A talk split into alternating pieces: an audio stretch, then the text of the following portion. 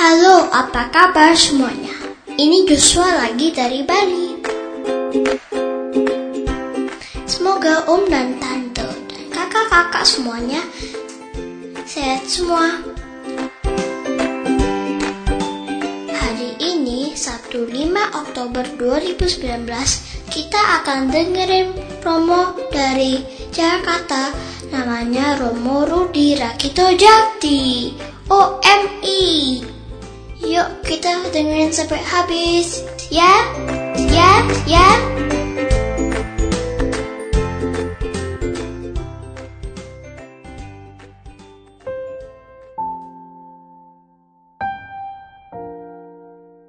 Selamat pagi para sahabat Fresh Juice di mana pun Anda sekalian berada. Kita berjumpa lagi pada hari ini, hari Sabtu pertama dalam bulan. Bersama saya, Romo Rudi OMI.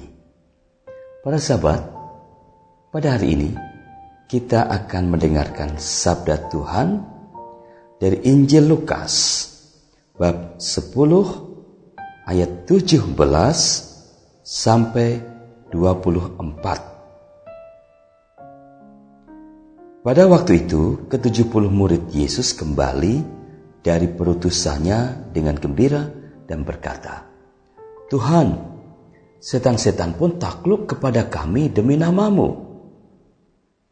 Lalu kata Yesus kepada mereka, Aku melihat iblis jatuh seperti kilat dari langit.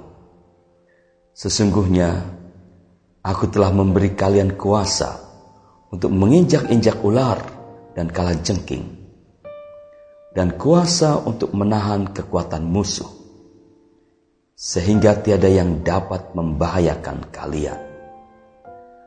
Namun demikian, janganlah bersuka cita, karena roh-roh itu takluk kepadamu, tetapi bersukacitalah, karena namamu terdaftar di surga.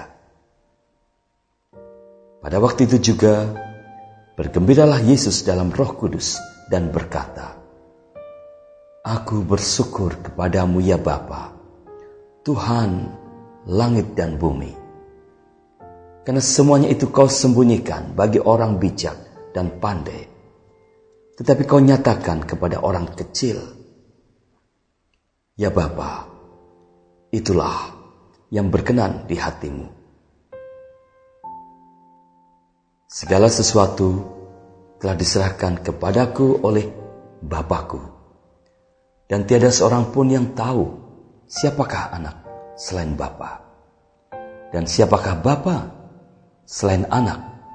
Dan orang yang kepadanya anak berkenan menyatakannya. Sesudah itu berpalinglah Yesus kepada para murid dan berkata, Berbagilah mata yang melihat apa yang kalian lihat. Karena aku berkata kepadamu, banyak nabi dan raja ingin melihat apa yang kalian lihat, tetapi tidak melihatnya. Dan ingin mendengar apa yang kalian dengar, tetapi tidak mendengarnya. Demikianlah Injil Tuhan. Terpujilah Kristus.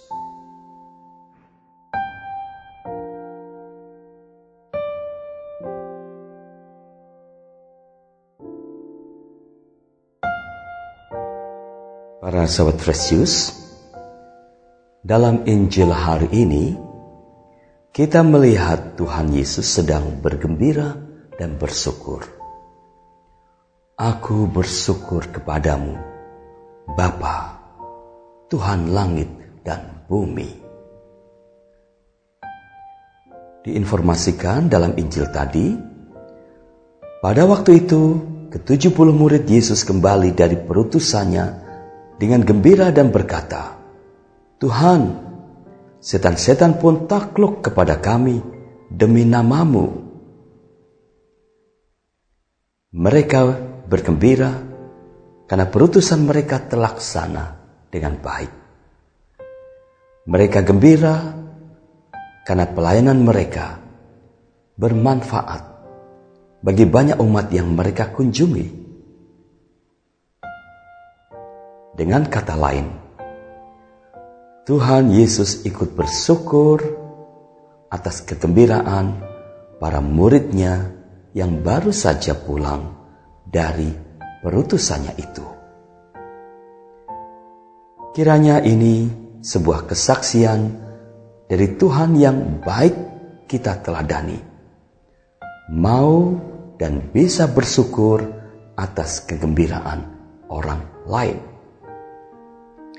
Maka marilah kita praktekkan hal yang senada dalam hidup kita hari ini dan selanjutnya. Misalnya apa? Misalnya, saya ikut mengucap syukur karena teman saya yang mendapat promosi jabatan di kantor. Atau saya ikut mengucap syukur karena teman mendapat nilai bagus dalam ujian. Saya ikut bersyukur kepada Tuhan karena teman ternyata punya suara yang bagus saat menyanyi sehingga bisa menghibur banyak orang. Saya bersyukur kepada Tuhan karena keluarga di rumah sebelah yang tampak harmonis. Saya bersyukur kepada Tuhan karena ada orang baik di sekitar saya yang melakukan kebaikan kepada sesamanya dan lain-lain. Ada banyak alasan kalau kita mau untuk ikut bersyukur. Sebuah cerita sebagai penutup renungan singkat pada hari ini. Pada suatu hari, saat pelajaran agama di kelas 2 SD, suster meminta anak-anak untuk menggambar sesuatu yang ingin mereka syukuri selama ini. Setelah usai menggambar, satu persatu anak diminta maju ke depan dan menjelaskan maksud gambarnya. Ada anak yang menggambar rumah, maksudnya keluarganya punya rumah yang baru ada yang menggambar mobil. Maksudnya keluarganya telah membeli sebuah mobil baru. Ada juga yang menggambar sepeda atau mainan tertentu. Tetapi ada satu anak yang menggambar sesuatu yang lain daripada yang lain. Dia menggambar sebuah tangan. Anak-anak di dalam kelas itu berusaha menduga apa maksud gambar itu. Siapa pemilik tangan itu? Tangan Tuhan? Tangan polisi? Tangan petani yang telah menanam sayuran? Dan lain-lain. Tetapi tak seorang pun dapat menebak dengan tepat. Sementara anak yang menggambar tangan itu pun tidak mau memberitahukan kepada teman-temannya siapa pemilik tangan itu. Ketika anak-anak dalam kelas itu keluar kelas untuk istirahat, suster kemudian mendekati anak itu dan dengan lembut bertanya, Nak, tangan siapakah yang kamu gambar ini? Anak itu menjawab, "Ini tangan suster." Pelupuk mata suster tiba-tiba basah. Teringatlah ia saat ia menuntun tangan anak itu ketika belajar menulis atau ketika hendak menyeberang jalan. Karena kaki anak itu timpang.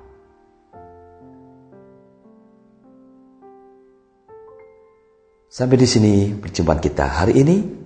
Sampai jumpa lagi. Tuhan memberkati Anda sekalian. Om dan Tante dan kakak-kakak semuanya, gimana renungan tadi? Keren kan? Makasih ya buat Romo Rudi untuk renungkanlah.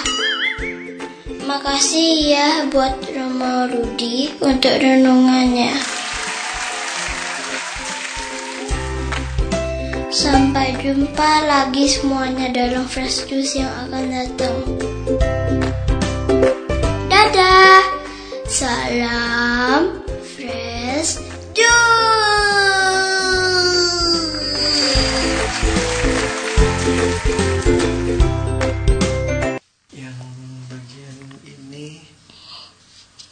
ntar yang yuk kita dengerin sampai habis ya satu dua Yuk kita dengerin sampai habis ya. Sampai jumpa lagi semuanya dalam Fresh Juice yang akan datang.